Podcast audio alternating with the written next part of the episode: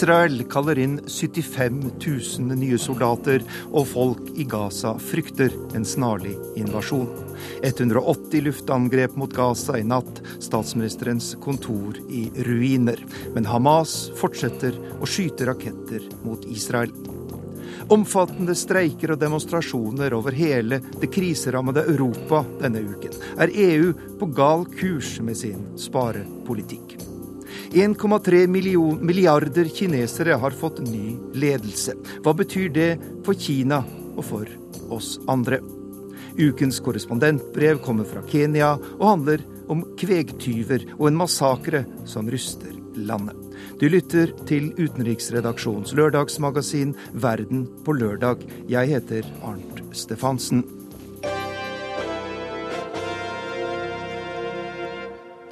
Israelske kampfly angrep i natt statsministerens kontor i Gaza og la bygningen i ruiner. Det melder internasjonale telegrambyråer. Tallet på drepte i Gaza er nå oppe i rundt 40 siden angrepene startet. Det har vært rundt 180 angrep mot Gaza i natt, rapporterer vår Midtøsten-korrespondent Sigurd Falkenberg Mikkelsen, som beskrev situasjonen slik da jeg intervjuet ham for et par timer siden. Den er eh, meget eh, spent. Det er eh, svært stille her. Og så brytes stillheten nå da av voldsomme eksplosjoner fra israelske flyangrep. Og bakgrunnslyden er altså da droner, altså disse førerløse flyene som patruljerer og som også kan skyte raketter. Slik at det er nå et veldig trykk her. og man merker at eh, israelerne har, eh, virker det som, akselerert og forsterket luftangrepene sine. Det siste jeg har hørt, er at det har vært 180 angrep i løpet av natten. Selv våknet jeg av dramatiske eksplosjoner rett ved hotellet hvor vi bor. Det var tre store angrep rett i nærheten her. Hva synes egentlig folk i Gaza om at Hamas fortsetter å skyte raketter mot Israel, mens israelske myndigheter fortsetter sine angrep og kaller inn titusener av eh, vernepliktige?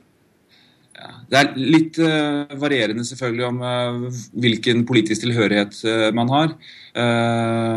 jeg tror nok Hamas-tilhengere er, er, veldig på krigsstien, særlig etter at Ahmed Jabari ble drept. Eh, mens den eh, jevne palestiner eh, i Gaza er nok mest bekymret for seg og sine og familien sin. Hamas har jo også tatt en politisk sjanse her. De vet hva de gjør når de provoserer fram israelske angrep ved å angripe Tel Aviv og Jerusalem, sånn som de gjorde i går. Uh, og de føler seg nok politisk uh, backet up av en del av de arabiske landene. I tillegg til at de har da tatt all fokuset bort fra FN, hvor Mahmoud Abbas, palestinernes president, men også Hamas' konkurrent, jo har, planer om å søke om oppgradert status, slik at, en, at palestinerne får en såkalt observatørstatus i FNs generalforsamling. Den israelske regjeringen ga i går grønt lys for å kalle inn ytterligere 75 000 reservesoldater. Står vi nå foran en bakkeinvasjon? Ja, det er jo et uh, voldsomt uh, tall. Uh, det er ikke sikkert alle blir kalt inn, men de har fått muligheten da, til å kalle inn 75 000 reservesoldater. og under Operation Cast Led, som var navnet de ga den forrige krigen, så var det faktisk eh, ikke mer enn 10 eh, 000 reservister som ble innkalt. Slik at israelerne har i hvert fall nå mulighetene åpne rent formelt til å sette i gang. Eh, og det er jo det folk her frykter.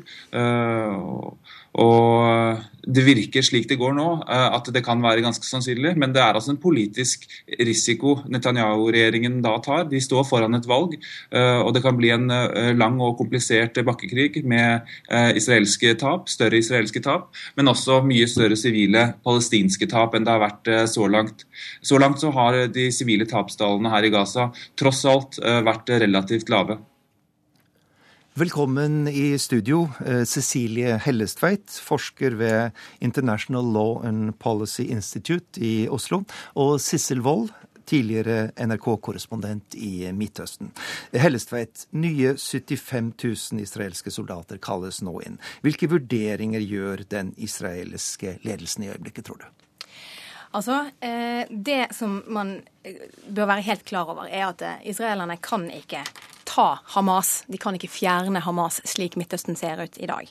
Eh, det de kan gjøre, er å redusere den militære kapasiteten som Hamas har bygget opp etter 2008-2009-krigen, delvis og i stor grad med iransk hjelp. Og det er det som nå skjer. Det vi ser i den innledende fasen eh, med flyangrep nå, er at israelerne bruker mye mer presisjon i sine angrep, og de har et mye snevrere eh, begrep rundt militære mål. Og de tar altså ikke så mye av den sivile infrastrukturen, og heller ikke eh, så mye av det mer politiske lederskapet i Hamas. Eh, men så er spørsmålet hva betyr det når de kaller inn så mye som 75 000 eh, menn og kvinner til å stå i reserve. Og Det kan bety enten at man ser seg tvunget til å gå inn med bakkestyrker for å ta ut resten av den militære infrastrukturen til Hamas, eller så er det også et føre-var-prinsipp. Det er valg i Israel, og eh, enhver israelsk leder eller lederskap som setter seg i den situasjonen som eh, ledelsen nå har gjort, de må ha, ta alle forholdsregler. Og Det handler både om at Hamas nå har ganske sterk militær kapasitet og får sendt raketter helt til Jerusalem, men det handler også om den regionale konflikten. Egypt eh, er mye mer på banen enn før, Tunisia selvfølgelig. og eh, en israelsk leder som bringer Israel igjennom dette nå med en så uklar situasjon regionalt for både Egypt og Tunisia, og Hamas er eh, i valgkamp i likhet med den israelske ledelsen. Så det kan jo også være et føre-var-prinsipp. Eh, Sisle Wold, eh, hvor stor er sannsynligheten for en bakkeinvasjon, tror du? De må jo se hva de kan få ut av det, og hvilken exit-strategi de har. Fordi under en valgkamp så er det jo eh, virkelig en eh, forferdelig situasjon for Netanyahu å få ut mange soldater i likposer. Eh, sist så sendte de jo inn bakkestyrkene ganske sent, og de brukte jo flyvåpenet mest mulig, fordi at da sparer man liv. Og disse også dronene sparer jo soldatliv.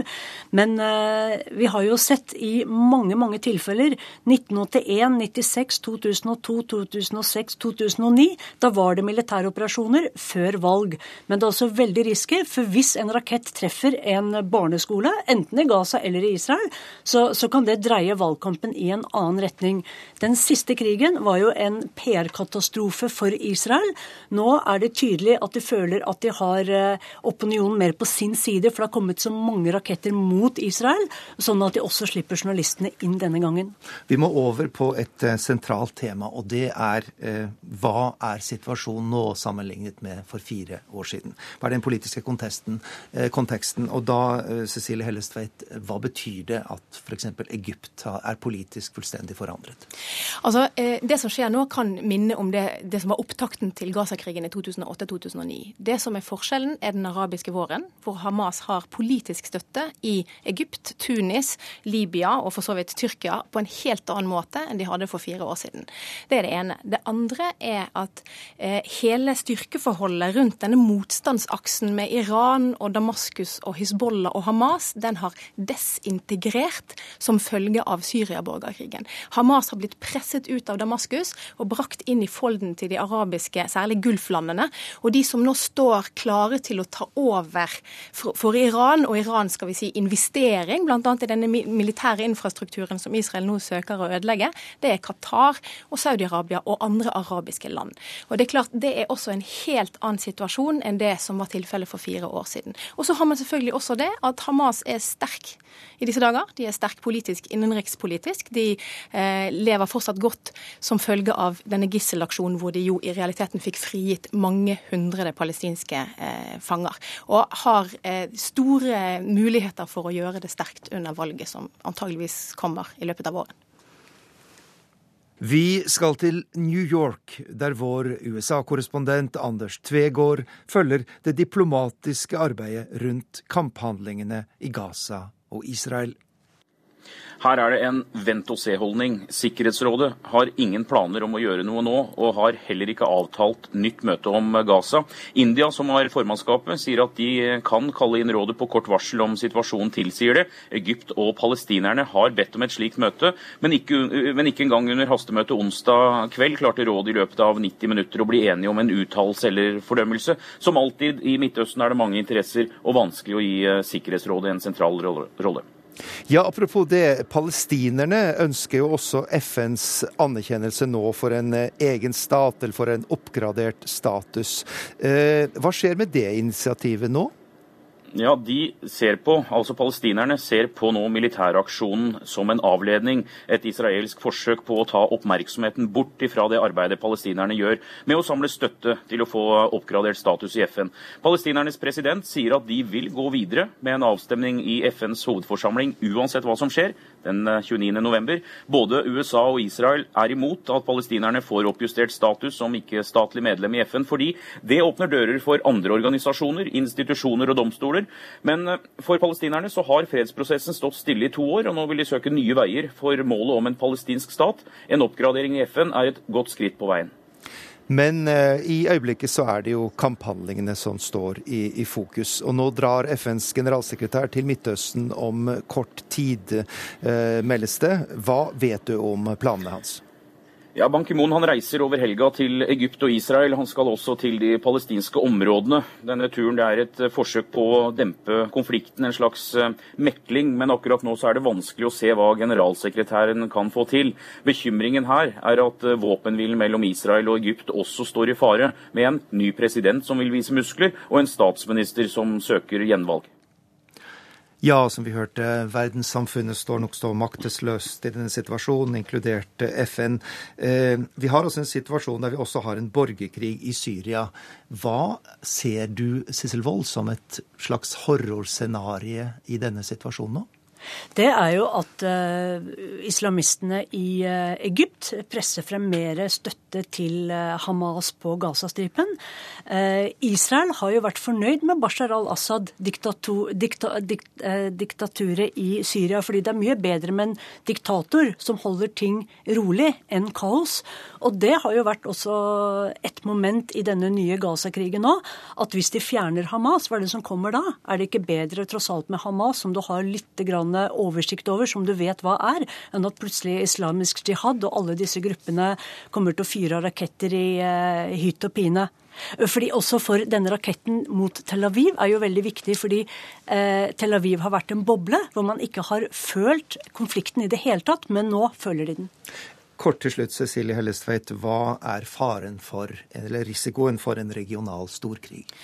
Altså Selv om det kan se ganske mørkt ut nå, så er ikke den veldig stor ennå. Den, den, israelske ambassadøren sitter fortsatt i Kairo, og eh, den egyptiske hæren er ikke nødvendigvis underlagt eh, den egyptiske presidenten i forhold til sitt forhold til Israel. Så det er nok eh, langt igjen til en eventuell regional krig.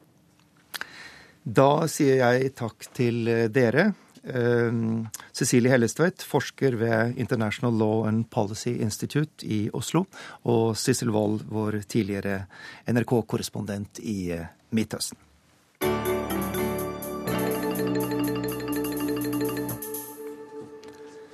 Det kriserammede Europa viste sin vrede denne uken. Sist onsdag deltok flere hundre tusen mennesker i det sørlige Europa i streiker og demonstrasjoner rettet mot EUs smertefulle økonomiske nedskjæringer.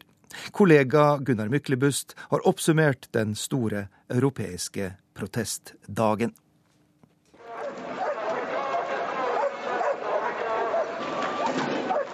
Det var til forveksling like TV-bilder som kom fra de forskjellige sørlige eurolandene denne veka. Brennende bildekk, tåregass, opprørspoliti og gneldrende bikkjer mot rasende demonstranter. Et raseri som speiler den folkelige fortvilelsen. Det kommer til et punkt, sier Manuel, som har demonstrert i gaten i Barcelona. Et punkt der du har fått nok. Det angriper oss og tar helt over livet våre fra alle kanter. Oppsigelser og utkastinger. Folk greier ikke mer, og den eneste reaksjonen vi har å ty til, er å ta til gatene, sier Manuel. Jahinto tilhører en generasjon eldre og er mest uroa for etterkommerne, barna og barnebarna og alle unge som ikke synes å ha noen framtid. En stad må de rette protestene sine mot, protestene og desperasjonen, og da blir det styremaktene. Opprøret sist onsdag gjør inntrykk, selv om vi mener å ha sett det før, som et utall ganger i Hellas. Spania er ikke vant til dette på samme vis. Generalstreiken denne veka er den andre i løpet av året. Det har aldri skjedd før. Heller ikke at en slik storstreik er blitt samordna med nabolandet Portugal. Og samtidig markert i Italia, Frankrike, Belgia, Hellas, med støttemarkeringer i en rekke andre europeiske land til stor glede blant grekerne, som har brukt mye av det siste året i gatene. Bare når hele Europa våkner, alle de europeiske arbeiderne, kan vi presse de med makta, de som en ikke synes å bry seg med at folk protesterer, sier Stavros, som er offentlig tjenestemann i Aten. Men kjempedemonstrasjonene denne veka viser hvor delt Europa er akkurat nå. Selv om arbeidsløysa rir de fleste landa, unngår heller ikke gjeldstynga søreuropeere å registrere at det er mindre krise og langt fredeligere i nord. Og der befinner også sjefskurken seg, Tysklands forbundskansler Angela Merkel. Europapolitikk wird immer mehr auch so eine Art Innenpolitik. Und das spiegelt sich heute auch in diesen koordinierten Angela Merkel hyller streikeretten, men lite tyder på at hun eller andre europeiske ledere lar seg påvirke av hundretusener i gatene og endrer kurs. Regjeringene i eurolandet har ulike farger, men er nokså samstemte.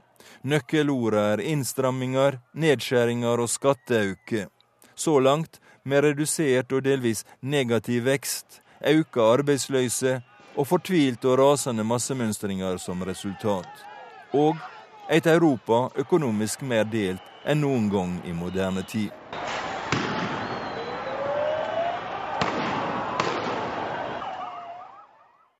Sør-Europa kneler under EUs sparepolitikk, og Europa blir stadig mer delt, hørte vi her.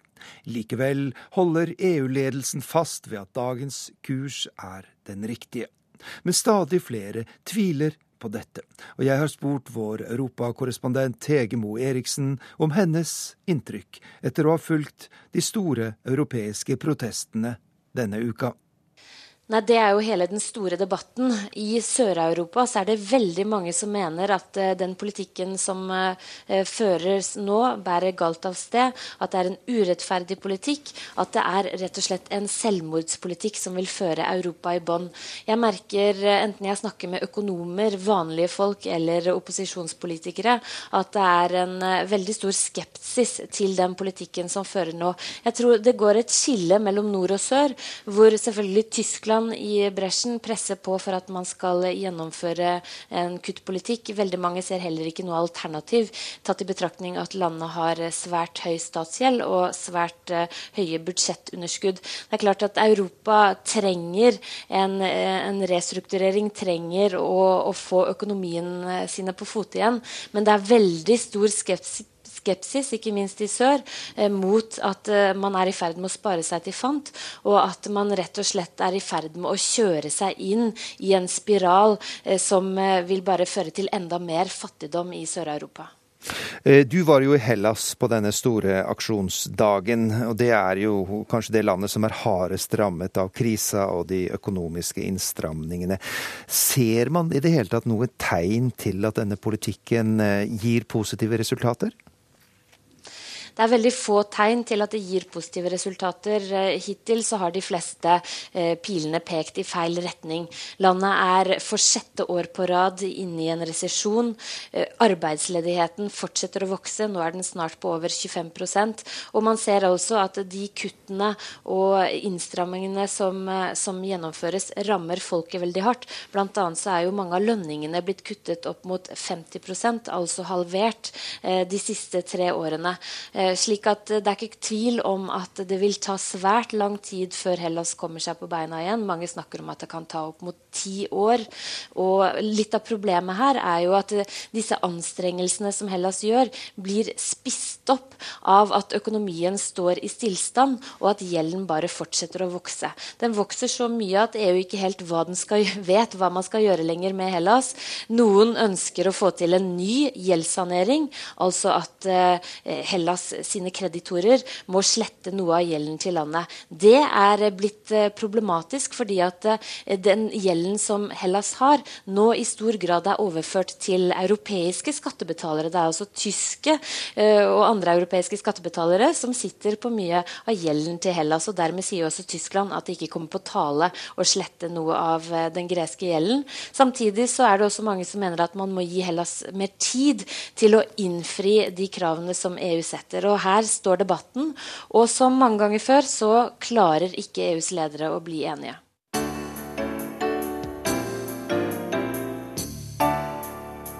Lederskiftet i Kinas kommunistparti var en av de store internasjonale nyhetene denne uken. Den 18. partikongress valgte Xi Jinping til ny leder, og på folkekongressen i mars blir han også Kinas president, mens partiets nummer tre, Li Ke-chang, blir statsminister. I ukens utenrikskommentar vurderer tidligere Asia-korrespondent Philip Lote hva lederskiftet betyr for kineserne og for oss andre. Vil vi lære navnene deres, Xi Jinping og Li Keqiang, to menn født i henholdsvis 1953 og 1955. Xi tilbakelent og trygg på seg selv, Li god i engelsk og med venner fra ungdomstiden, som i dag er i opposisjon til det eneveldige partiet som han selv har klatret til topps i. I de år jeg har jobbet med Kina, har så godt som ingen utenom de litt mer spesielt interesserte her hjemme, kunnet si navnene på de sittende kinesiske ledere. De måtte i så fall være blant lytterne som en formdag som denne lytter på Verden på lørdag vil det bli annerledes med den nye generasjonen kommunistpartiledere, den såkalte femte generasjonen, som nå har tredd frem og er klar til makt? Vil de bli aktører på verdensarenaen som vi ved første øyekast vil kjenne igjen som Xi og Li, som vi kjenner igjen Obama, Putin eller Merkel? Vil de ønske det selv og mene det er i deres og Kinas interesse? Vil de fem andre i den øverste partiledelsen mene det samme, eller vil de mene at den konsensusbaserte styringen som har utviklet seg etter Kinas negative erfaringer med personkulten rundt formann Mao best ivaretas ved at den utad profileres med en kollektiv, tilbaketrukken gråhet. Den nye generasjonen har det til felles at de er født like før eller like etter kommunistenes maktovertagelse i Kina. De hadde alle sin politiske ungdom på slutten av kulturrevolusjonen. En revolusjon som ikke bare satte Kina flere tiår tilbake, men også påførte dem selv vonde og brutale livserfaringer. Dette er en generasjon uten illusjoner eller sterke ideologiske overbevisninger. Kinesere flest er blitt pragmatikere, og kanskje ingen mer så enn deres nye ledere.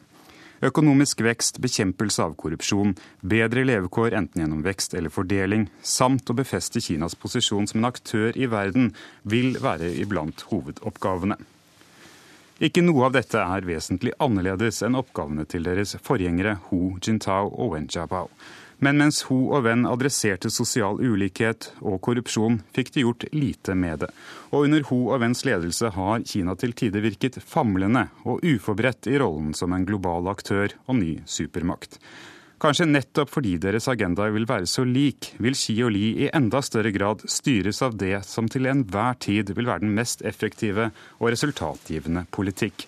Derfor, til tross for en nærmest fundamentalistisk pragmatisme, kan vi også få en annen lederstil, og Xi og Li har bedre kort på hånden enn Ho og venn om de skulle ønske å bruke sine egne personer på den offentlige scenen, både hjemme og ute. Xi Jinping er gift med en av Kinas mest berømte sangerinner. Siden 1982 har hun hatt regelmessige opptredener på TV-gallaen hvert kinesiske nyttår, et program med 700 millioner seere. Både hjemme og ute kan vi kanskje få oppleve at Kina i all forsiktighet får en slags førstedame. Om det kan løse en internasjonal floke, er neppe Xi helt fremmed for å la sin kone Pang Liuan synge en folkesang eller blues med Michelle Obama. Det er først de siste årene at Xi Jinping har trådt ut av sin mer berømte kones skygge. Men han har altså levd et liv som gjør at han ikke blir satt ut i møte med berømtheter på hjemmebane eller ute i verden. Også Li Keqiang, som i mars overtar som statsminister, har egenskaper som hans forgjengere ikke har. Overraskende trygg i engelsk kan han være en enklere samtalepartner ute i verden. I tillegg tilhører han den såkalte generasjon 77, den første generasjonen som gjenopptok universitetsstudier med karakterbaserte eksamener etter at kulturrevolusjonen i ti år frem til 1976 mer eller mindre hadde satt all høyere utdanning på hold. Generasjon 77-identiteten gir Li et nettverk av kinesere over hele verden, også venner fra ungdommen som har havnet i opposisjon til kommunistpartiet og i dag lever i eksil. Det vil ganske sikkert være situasjoner hvor disse båndene kan komme til nytte de neste ti årene, som han skal styre Kina sammen med Xi. Xi og Li, uansett hvor forsiktig og konsensusbasert de vil styre, er kraften i Kinas utvikling så sterk at den vil trenge frem et nytt Kina, og kanskje en annen type ledere. Xi Jinping og Li Keqiang, kanskje vil vi alle lære navnene deres.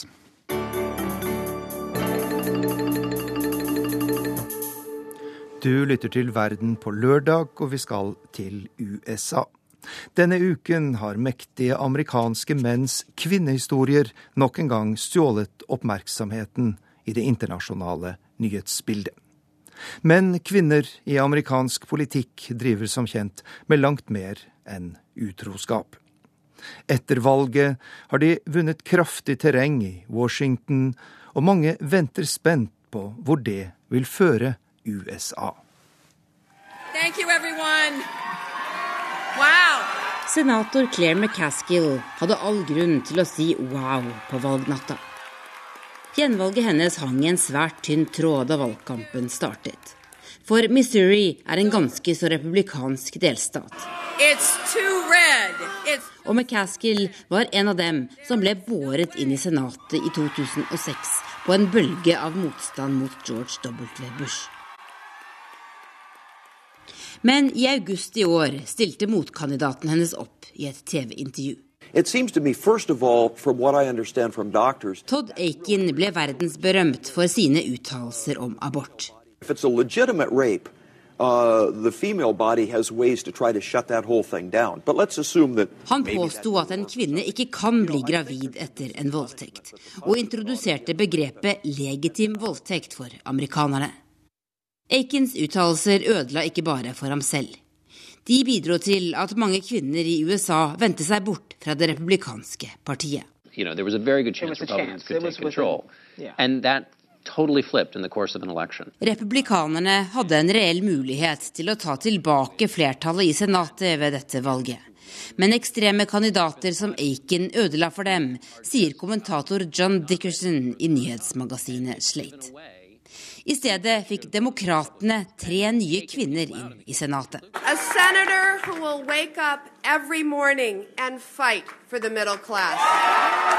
En av dem, Tammy Baldwin fra Wisconsin, er til og med lesbisk.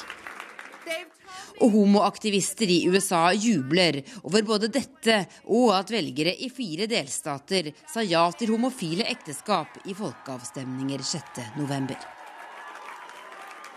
Kvinneandelen i amerikansk politikk er langt lavere enn i mange andre vestlige land. Men årets valg markerer et skille. Det er nå 20 kvinner i Senatet.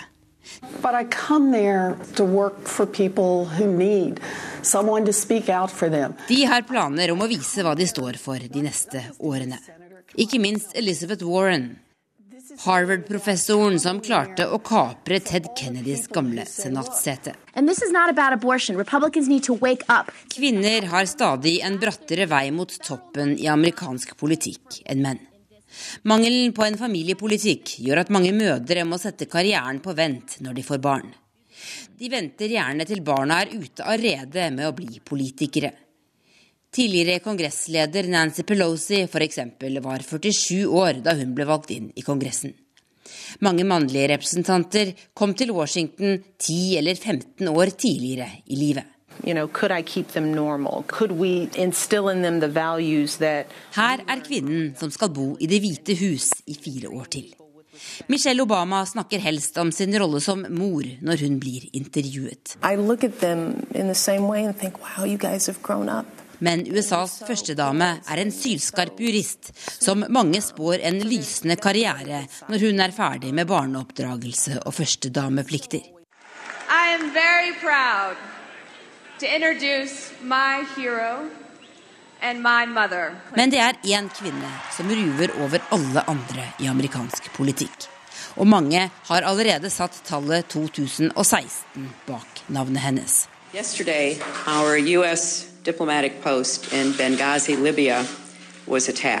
Hillary Clinton går snart av som utenriksminister. Hun har ikke hatt ferie på tolv år, sier hun, og trenger en pause. Gang på gang har hun sagt at hun ikke vil stille som presidentkandidat igjen. Men oppfordringene om at hun må gjøre nettopp det, kommer fra stadig flere hold. Denne uka meldte mangemilliardær og rikssynser Warren Buffett seg på. I, I, I like what she believes in, and I think she's extraordinarily able and, and, uh, and energetic, for that matter, in, in, in pushing those beliefs. I think I don't see how you could have a, anybody better qualified. Vi har ingen som er bedre kvalifisert enn Hillary, sa Buffett til CNN på onsdag. Hillary Clinton vil være 69 år i 2016, men hun vil til gjengjeld ha gjort det aller meste en kan gjøre i amerikansk politikk. Hun har vært førstedame, senator, presidentkandidat og utenriksminister. Det er tøft å nå toppen som kvinne i USA. Det viste nominasjonskampen for fire år siden med all tydelighet. Hillary Clinton er den eneste som kan bryte gjennom det ultimate glasstaket, sier mange amerikanske kvinner. Tidligere USA-korrespondent Tove Bjørgaas hadde laget denne reportasjen.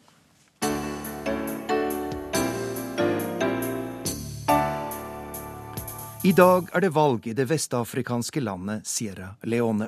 Landet var lenge kjent for en brutal borgerkrig, finansiert av såkalte bloddiamanter, og fordi amputasjon av bein og armer var en del av krigen. Ti år etter at freden kom, imponerer landet med sitt andre fredelig gjennomførte demokratiske valg. Dag Bredvei har laget denne reportasjen.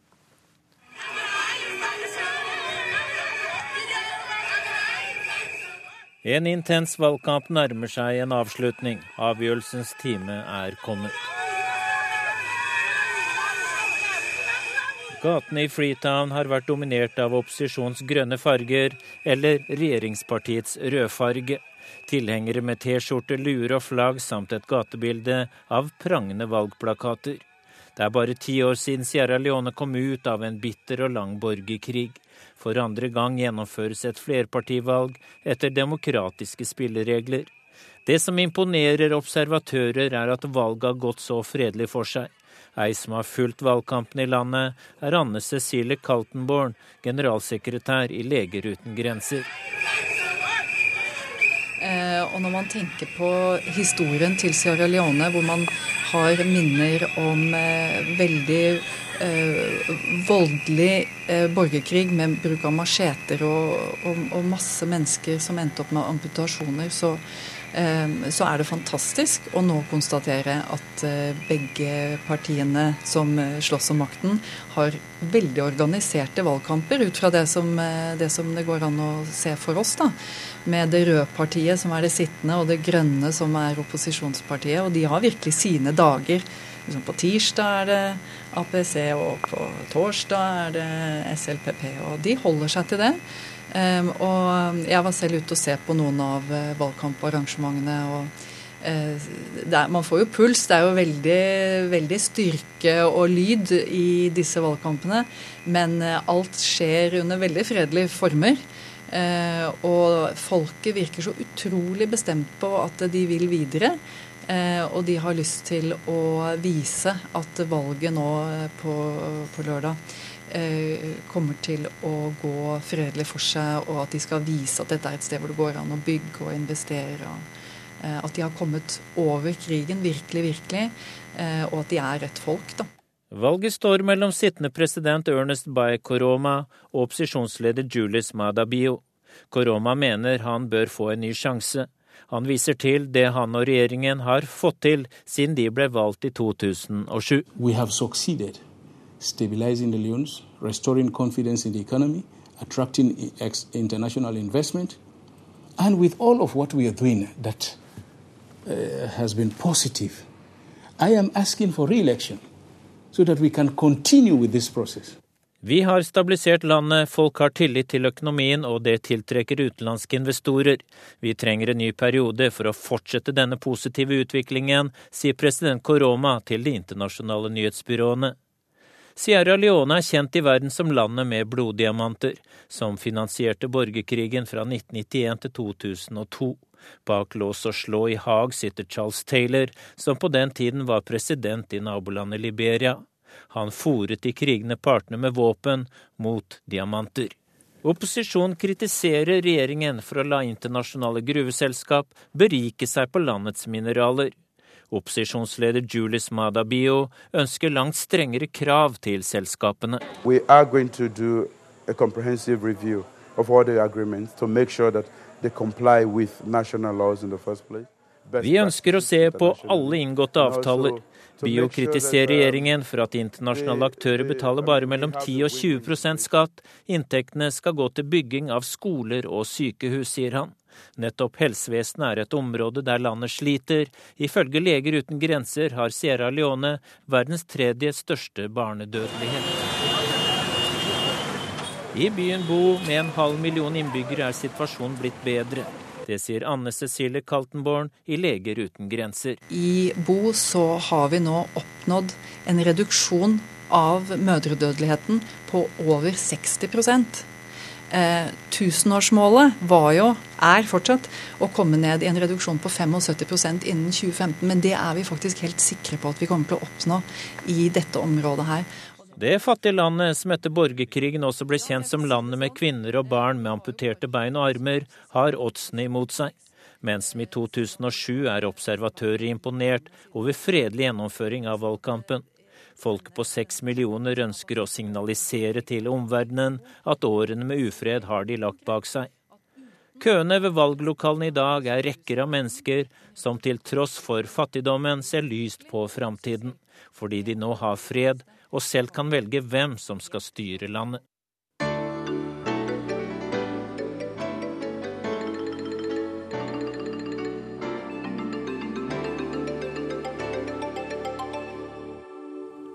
Tildelingen av Nobels fredspris var lite viktig for meg, skriver den tidligere sovjetlederen Mikhail Gorbatsjov i sine politiske memoarer som kom ut denne uken.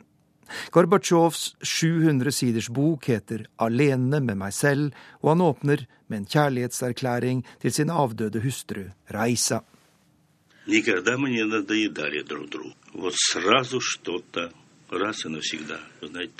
Noen sier de går lei sin kone, de kjeder hverandre. Men vet de hva? Vi to gikk aldri lei av hverandre.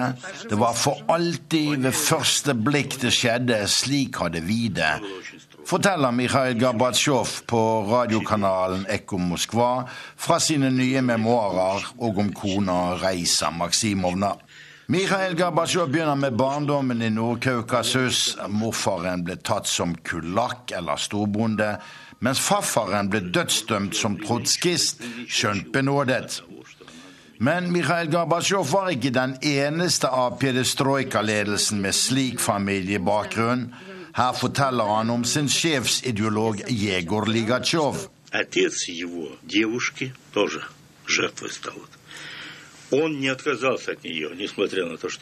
Faren til hans kjæreste, som ble hans kone også, ble et offer for Stalin, men Ligatsjov forlot ikke henne av den grunn, og for meg er det den beste anbefaling, forteller Mikhail Gorbatsjov, som skriver at svigerfar til den senere sjefsideolog i kommunistpartiet ble skutt som sjef for et armékorps på slutten av 1930-tallet.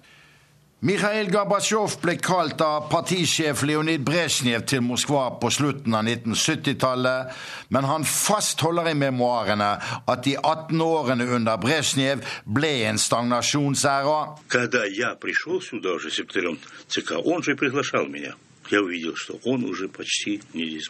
Tiden gikk, og Leonid Ilyich ble syk. Da jeg kom hit til Moskva som en av sekretærene i sentralkomiteen av kommunistpartiet, var Brezjnev ute av stand til å fungere, sier Mikhail Gorbatsjov. Egentlig burde han selv forlatt politikken tidlig, forteller legenden Mikhail Sergejevitsj.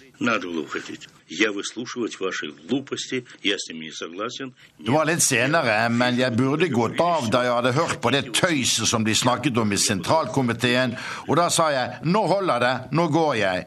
Men jeg gikk bare til kontoret mitt, sier Gorbatsjov. Så blir han både partisjef i 1985 og Sovjetunionens første og siste president i 1990. I memoarene som teller 700 sider, legges hovedvekten på det som var minst tilgjengelig for offentligheten. Kampen for reformene, glasnosten eller åpenheten og perestrojka innad i kommunistpartiets ledelse. Gorbatsjov legger liten vekt på at han selv tolererte Berlinmurens fall i november 1989, og at han fikk Nobels fredspris for dette året etter. Da kokte det slik i sovjetsamfunnet at Gorbatsjov ikke tok risikoen på å dra til Oslo for å ta imot prisen. Han sto åtte måneder fra statskuppet fra sine egne, som ødela ham som politiker, og Gorbatsjov forteller hva som var verst ved det antidemokratiske kuppet i Moskva den 19. august 1991. Предательство. Предательство. Это удар в сердце. Но здесь у меня была Forræderiet, forræderiet var det verste.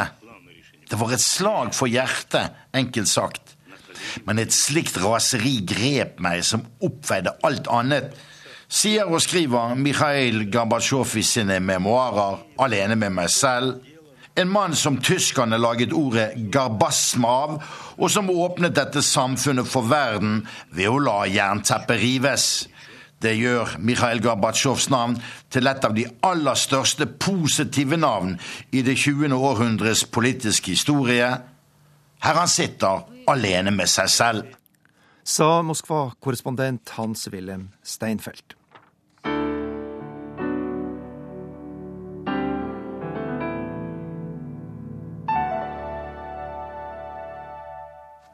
Pedofilianklager og krise preger kringkastingsbautaen BBC.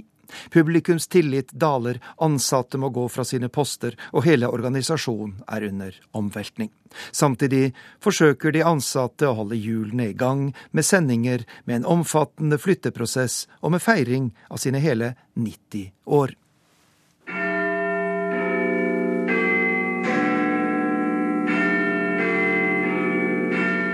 For the first time in the BBC's history, all its radio stations are joining together to broadcast the same thing at the same time to celebrate the BBC's 90th birthday. This is 2LO, the London station of the British Broadcasting Company calling. 2LO calling. 2LO, navnet på senderen som brakte den den gang private British Broadcasting Companys første radiosending på lufta 14.11.1922. Og navnet på musikkstykket som markerte 90-årsjubileet denne uka, skrevet av frontmann i gruppa Blur, Damon Alban. Da stykket, som inneholdt historiske BBC-øyeblikk, ble sendt onsdag, var også det et historisk øyeblikk. Det var første gang alle BBCs 55 radiostasjoner sendte det samme samtidig. Rundt 80 millioner mennesker verden rundt kan ha hørt Blur-vokalistens hyllest av allmennkringkasteren.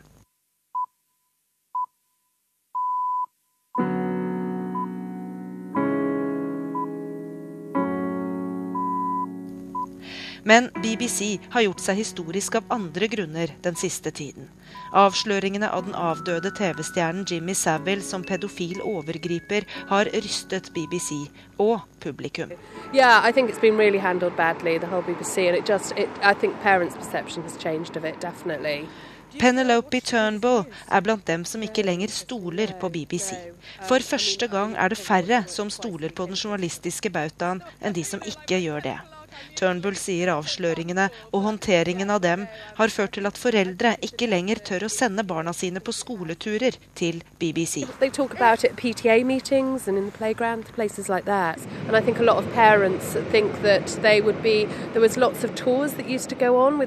Things, and now people are a bit more skeptical about going to the television centre because I think that if that could happen and it's all undercover by an organisation like the BBC, I think it's worrying for parents. Det er bekymringsfullt for foreldre at slike overgrep kunne skje og bli holdt skjult, sier Turnbull. Vi er på vei inn i BBCs flunkende nye kringkastingshus midt i sentrum av London.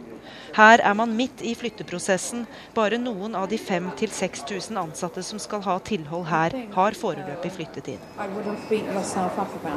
Det enorme nyhetsrommet er dekket av pulter. Det er radio, TV, nett. Det er arabisk, urdu og engelsk. Det er regionale sendinger og BBC World. Det er ingen tvil om at BBC er en gigant. BBC every day, Radio 4, Radio 3. It's absolutely wonderful. It's one of the best things in life.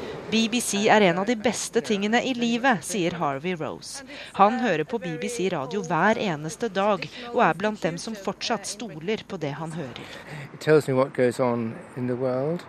Uh, it has the wonderful music on BBC Three, Radio 3. And um, the television coverage is recognized by most people as the best in the world, probably. And you still trust the BBC? Certainly. Anerkjent over hele verden som nyhets- og kulturformidler.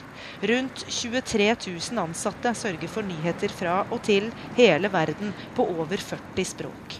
Undervisning og underholdning. BBC blir anerkjent verden over for å ha spilt en svært viktig rolle for folkeopplysningen i nesten 100 år. I tredje etasje i BBCs nye kringkastingshus entrer vi Newsnights redaksjon. Dette er senteret for mye av krisen som rammer organisasjonen. Det var her beslutningen ble tatt om ikke å sende dokumentaren som avslørte Savil. Det var her beslutningen ble tatt om å sende beskyldningene mot den tidligere konservative toppolitikeren Alistair McAlpine om at han var pedofil overgriper. Of course they should have called. And I would have told them exactly what they learnt later on. And what was that? That it was complete rubbish.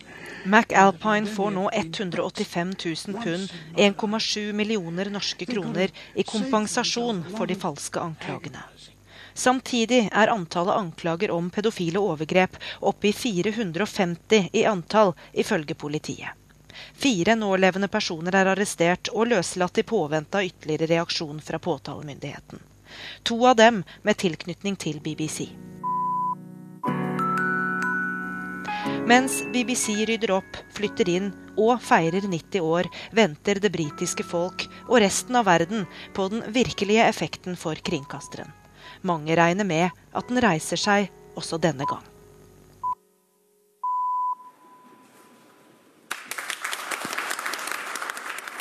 Korrespondent Gry Blekastad Almås rapporterte fra London.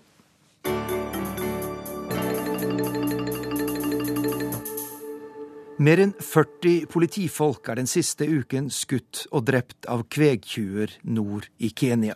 Nedslaktingen og håndteringen av krisen ryster nå hele nasjonen, og er tema for ukens korrespondentbrev fra Lars Sigurd Sunnanå i Nairobi. Utviklingsminister Heikki Holmås har vært på besøk i Nairobi denne uken for å følge opp Norges nye store bistandsprosjekter her i Kenya. 250 millioner kroner skal i de kommende fem årene brukes til å bringe denne østafrikanske nasjonen inn i en mer miljøvennlig retning. Det skal bygges vindmøller, solcellelys skal erstatte parafinlamper, og nye energieffektive kokeovner skal spres på landsbygda. Samtidig skal Statnett gi råd og støtte, slik at landet med sine 40 millioner innbyggere klarer å få til en skikkelig elektrisitetsforsyning. I dag har bare hver fjerde kenyaner tilgang på strøm. Øverst på utviklingsministerens møteliste sto selvfølgelig Kenyas statsminister Raila Odinga. For 21 år siden rømte Odinga til Norge. Han hadde da vært fengslet uten lov og dom en rekke ganger under president Daniel Arap Moys brutale regime, og han fryktet at han på ny ville havne bak murene for sin politiske virksomhet i opposisjon. Oppholdet i Norge varte bare noen måneder før han vendte tilbake til Kenya. Men det ble knyttet bånd til den lille skandinaviske nasjonen i nord. Odinga deltok selv på den store internasjonale energikonferansen i Oslo i oktober i fjor, da de norske bistandsprosjektene i Kenya ble rullet ut sammen med tilsvarende opplegg i Etiopia, Liberia og Bhutan. Heikki Holmås så derfor frem til møtet med statsministeren, men det ble ikke helt som han hadde tenkt seg. For under møtet kom det stadig telefoner fra president Mwai Kibaki Stab med beskjed om at nå måtte statsministeren få fart på seg og komme til krisemøte med presidenten så snart som mulig. Det kenyanske politiet var rammet av sin største og alvorligste tragedie siden Kenya fikk sin uavhengighet for 49 år siden. Og det var gått tre døgn siden det skjedde. Kvegtjuver hadde da skutt og drept mer enn 40 politifolk i en avsidesliggende dal nord i landet, uten at statsministeren og presidenten var kommet på banen. Det hastet naturlig nok med krisemøte. Holmås ble takket av langt tidligere enn planlagt. 450 geiter og kyr som ble stjålet fra det etniske Samboro-samfunnet utenfor landsbyen Baragoi nord i Riftdalen 20.10, utløste tragedien, som fortsatt ryster hele Kenya. Kvegtyvene var væpnede banditter fra det etniske Turkana-samfunnet i den samme ugjestmilde regionen. Det lokale politiet ga dem beskjed om å levere dyrene tilbake innen tre dager. Hvis ikke ville det få alvorlige konsekvenser. Men geitene og kyrne ble ikke levert tilbake. Og da medlemmer av Samboro-stammen selv prøvde å hente dem, lyktes ikke forsøket. Det endte i stedet med tap av elleve menneskeliv. En stor sikkerhetsstyrke ble derfor samlet i Baragoi. Men den besto ikke av erfarne politifolk. Mange hadde knapt rukket å tjenestegjøre etter at de kom ut fra politiskolen i Nakoro lenger sør i Rifdalen. De var ukjente med terrenget de skulle inn i, fullt som det er av krattskog, fjelltopper og dype dalsøkk. Det var også så som så med bevæpning og sikkerhetsutstyr. De hadde ikke skuddsikre vester, til tross for at det vrimler av ulovlige våpen blant kvegtjuver og blant nomadene som driver sine kvegflokker på mer fredelig vis i denne delen av Kenya. Sist lørdag rykket politistyrken likevel inn i et av søkkene, i Sugota-dalen, der de fikk øye på husdyr som var stjålet. Mye tyder på at dette var en felle som kvegtjuvene hadde satt opp. Politistyrken var sjanseløs da den ble beskutt fra fjellsiden i Sugutadalen. Bandittene, det skal ha vært rundt 100 av dem, brukte maskinpistoler, automatgeværer og rakettdrevne granater, i tillegg til annet tungt skyts. Nedslaktingen gikk over to dager. Lørdag skjedde selve overfallet. Søndag kom bandittene tilbake og gjorde slutt på dem av de sårede politifolkene som ikke hadde klart å ta seg ut av dalen. Til nå er antall drepte kommet opp i 42, men flere er fortsatt savnet. Det er likevel ikke bare selve overfallet som har rystet kenyanerne flest denne uken. Også mangelen på en skikkelig redningsoperasjon vekker harme. Letingen etter overlevende og drepte tok lang tid, opptil flere døgn. Mange av de drepte kunne ikke identifiseres da de ble funnet, siden området er fullt av hyener og andre ville dyr. Og på toppen av det hele ble omkomne lempet opp et lasteplan i Baragoi. Der lå de i solsteiken i dagevis, nesten til de gikk i oppløsning i den brennende heten, før politiledelsen omsider fikk sendt opp et fly og hentet dem ned til Nairobi fra den lokale flystripen utenfor landsbyen. Så det hastet sannelig med krisehåndtering for Raila Odinga da Heikki Holmås møtte ham i Nairobi. Nedslaktingen i Sugutadalen skjedde lørdag og søndag. Tirsdag ettermiddag, da han møtte den norske utviklingsministeren, hadde ikke kenyanerne hørt et ord fra sin statsminister om tragedien. Han hadde dagen før konsentrert seg om å drive valgkamp. Det er presidentvalg i Kenya i mars neste år, og Raila Odinga gjør da et nytt forsøk på å sikre seg landets høyeste embete. Kenyanerne hørte heller ikke noe fra presidenten, men var ikke baki. Han var mest opptatt av å klippe snoren da en ny jernbanelinje ble åpnet til Nairobi fra en av hovedstadens forsteder. Det er ikke erklært landesorg etter tap av alle de unge politifolkene. Hvis en høytstående minister eller fremtredende politiker forlater denne verden, pleier ikke president Kibaki å nøle med å kunngjøre nasjonale sørgedager. Men etter massakren utenfor Baragoi har han bare lovet de etterlatte å betale for begravelsene. Få steder er forskjellen på kong Salomo og Jørgen Hattemaker større enn i Kenya. Først for tre dager siden viste presidenten og statsministeren handlekraft. Da satte de hæren inn i jakten på kvegtjuvene, som nå sikkert er spredt for alle vinder. Som en kan forstå, styre og stell har unektelig sine sider i Kenya. Til våren er det altså valg både på ny president og ny nasjonalforsamling. Og i høst har landets 222 parlamentarikere virkelig skapt furore i det kenyanske folkedypet. Med så å si skattefrie lønninger på rundt 750 000 norske kroner i året er de blant de best betalte politikerne i hele verden. De tar altså daglig med seg hjem rundt 2000 kroner, mens nær halvparten av Kenyas befolkning må få endene til å møtes med mindre enn åtte kroner om dagen. Denne forskjellen syntes åpenbart å være minste laget for de folkevalgte under behandlingen av neste års statsbudsjett. I en sen nattetime vedtok de å gi hverandre vel 700 000 kroner hver som en ekstra avskjedspresang for innsatsen i nasjonalforsamlingen de siste fem årene, siden de snart må velges på nytt. Det er riktignok ikke dekning for presangen i budsjettet, men lyse hodet blant dem fant fort ut at de da kunne innføre en passende skatt på pengeoverførsler via mobiltelefoner for å fange opp gaven de unte seg. Slike overførsler via mobiltelefon er svært utbredt i Kenya. Det såkalte MEPESA-systemet gjør det mulig for alle kenyanere å sende og motta små og store beløp via mobiltelefonen mot en beskjeden avgift til operatørselskapet Safaricom. I praksis vil den nye skatten ramme landets fattige, som er de største brukerne av MEPESA. Men der gikk det en grense selv her i Kenya. Det varte ikke lenge før mediene stemplet parlamentsmedlemmene som tjuver, gribber og hyener. Og i Berlin mente antikorrupsjonsorganisasjonen Transparency International at vedtaket var hinsides enhver anstendighet. Det ble til slutt droppet, men ikke før Mewai Kibaki nektet å godkjenne avskjedspresangene. Den fjæra i hatten skal Kenyas president ha. Denne Verden på lørdag-sendinga fra Dagsnytts utenriksredaksjon er slutt. Teknisk ansvarlig Svein Åkre. Skript Daniel Erlandsen. Og her i studio Arnt Stefansen. Husk også at du kan laste ned Verden på lørdag som podkast. Det gjør du via nrk.no podkast.